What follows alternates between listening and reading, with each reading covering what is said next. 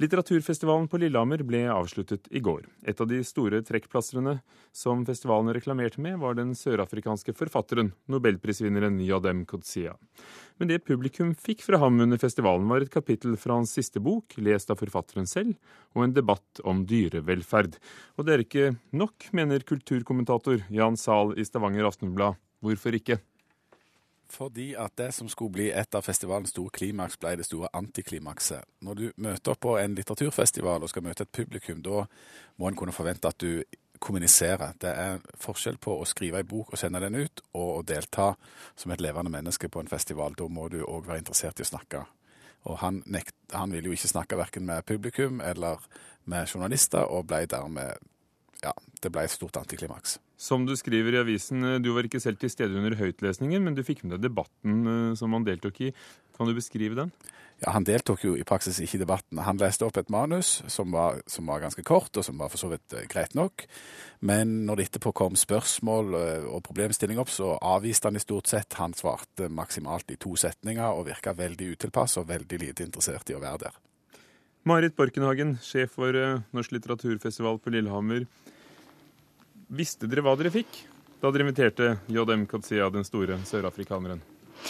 Da vi inviterte han, så visste vi ingenting om hva dette kunne bli. Men da han takket ja til å komme til Lillehammer, så var premissene veldig klare. Det han ønsket å delta på, det var en opplesning. I tillegg så kunne han tenke seg å diskutere ikke litteratur, men en, eh, et en sak som han var interessert i.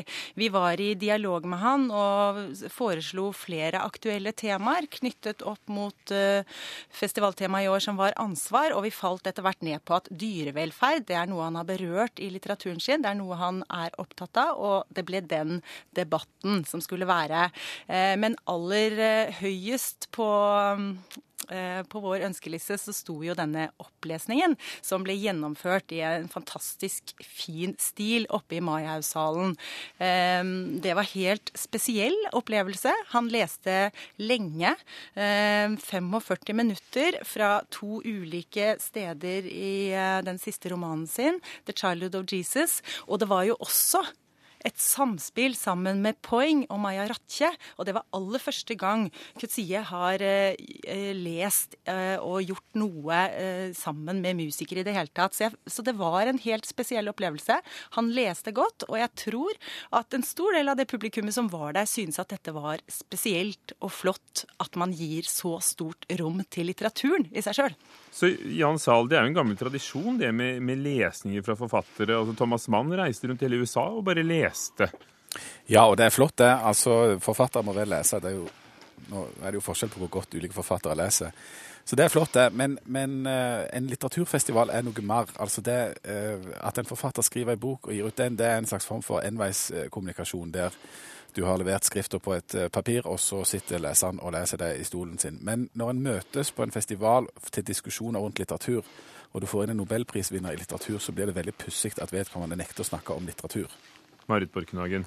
Det er vel det vi er blitt vant til i festivaler de siste 40-50 årene? At vi får et møte med forfatteren selv?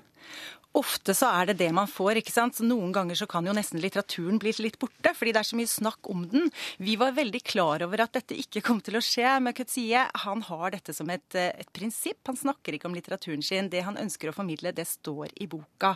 Eh, derfor eh, så la jo vi til rette for at denne samtalen om hans forfatterskap, denne diskusjonen, denne alt dette bakgrunnsstoffet, alt det som leserne jo ønsker seg, det skulle også bli en del av festivalen. Så vi hadde jo en del forfattere og eksperter til stede som bidro til til å diskutere mm, forfatterskapet hans og, og, gi et sånt bakgrunnsteppe. Så det var absolutt til stede i festivalen. Jeg skjønner ikke helt at alt dette måtte komme fra forfatteren selv. Det er ikke alltid det beste. Men hvis, men hvis poenget er å arrangere et seminar om noens litteratur, da trenger jo faktisk ikke vedkommende være til stede hvis de ikke deltar i den diskusjonen. Da kunne du jo hatt seminar om absolutt hvem som helst. Men når vedkommende er der, så er det jo veldig rart at vedkommende ikke uttaler seg om litteratur. Det ble utfyllende. Man hadde noen som sitter og diskuterer litteratur, og så kan du oppleve litteraturen sånn litteraturen faktisk er, og da med dette tillegget av eh, at det også var musikk. Og så er det jo også sånn at han bidro i denne debatten om eh, dyrevelferd. Han hadde et, et, et godt innlegg der, og det hadde også de andre som, som deltok i debatten. Det, ble, det, det, viktigste med den, synes jeg, er jo at et, et viktig tema ble satt på, på dagsorden. Jeg opplever at at eh, mange fikk noe å tenke på da, etter at de hadde vært der og hørt det. Og eh, så vet man jo aldri på forhånd om eh, hvor utrolig fantastisk selve debatten ble. Men det ble sagt viktige ting der, og det er jeg opptatt av. å Jan Sahl, hva, hva, syns du, hva syns du festivalsjefen burde ha gjort? Jeg syns ikke at de burde gått ned på de premissene han satte på forhånd. Nettopp fordi at eh, de, de lager en, en, festival for et publikum. Eh, og jeg forstår at han er en veldig hotshot som kan sikkert stille en del eh, premiss for å stille opp. Var ikke det en forfatters privilegium? Det er jo på mange måter det, men det er òg en, en festivals privilegium å takke nei, da. Hva kunne du ønske deg isteden? En som snakket. Og kommuniserte. Eh, og Marit Borkenhagen, det, hva slags avveininger står dere overfor? Er det, er det kjent og, og, sær, eller er det mindre kjent og snakkesalig? Denne festivalen er så stor at her kan vi på en måte ha alt mulig. Det var eh, mer enn 100 forfattere til stede. Mange snakket eh, mye og godt om, om, bøkene sine, i tillegg til at de leste og gjorde andre ting. Men, men Mari Borgenhagen, ja. du syns vel det er litt spesielt selv, synes du ikke det? For det virker sånn på oss, da. Ja, nettopp. Nei, jeg kunne selvfølgelig også ønske meg mer. Man vil alltid ha mer. Men jeg er strålende fornøyd med opplesningen seg selv, og jeg syns faktisk at det var verdt det, etter at han har skrevet nå bøker i 40 år. 14 av bøkene er oversatt til norsk. Han har et stort eh, publikum blant norske lesere, og det å få oppleve han presentere litteraturen sin i seg selv, uforglemmelig. Og Jan Sahl, hvis det er sånn han er, ja, da er det vel et poeng å få, få se det da, for publikum? Så får han velge det selv? Ja, det, får, ja, for de som visste om at han var så sære og fant glede i det, så er jo det flott. Vi får håpe at det som kan komme ut av dette, er at hvis det virker litt sånn i litteraturfestivalsammenheng som i musikkfestival, at nå har de hatt et så stort navn på plakaten at det muligens kan hjelpe de til å få noen som er både store navn og litt mer snakkesalige seinere. Cutsy kom til Lillehammer, dermed må du òg komme, og så svarer kanskje noen andre ja. Hvem ønsker du deg til neste år som headliner, som det heter på musikkfestivalene? Marit Borkenhagen? Ja, Den listen vår er veldig lang. Jeg har ikke så lyst til å komme med noen konkrete navn nå, men det er klart at vi sikter oss mot nobelprisvinnere igjen, vi.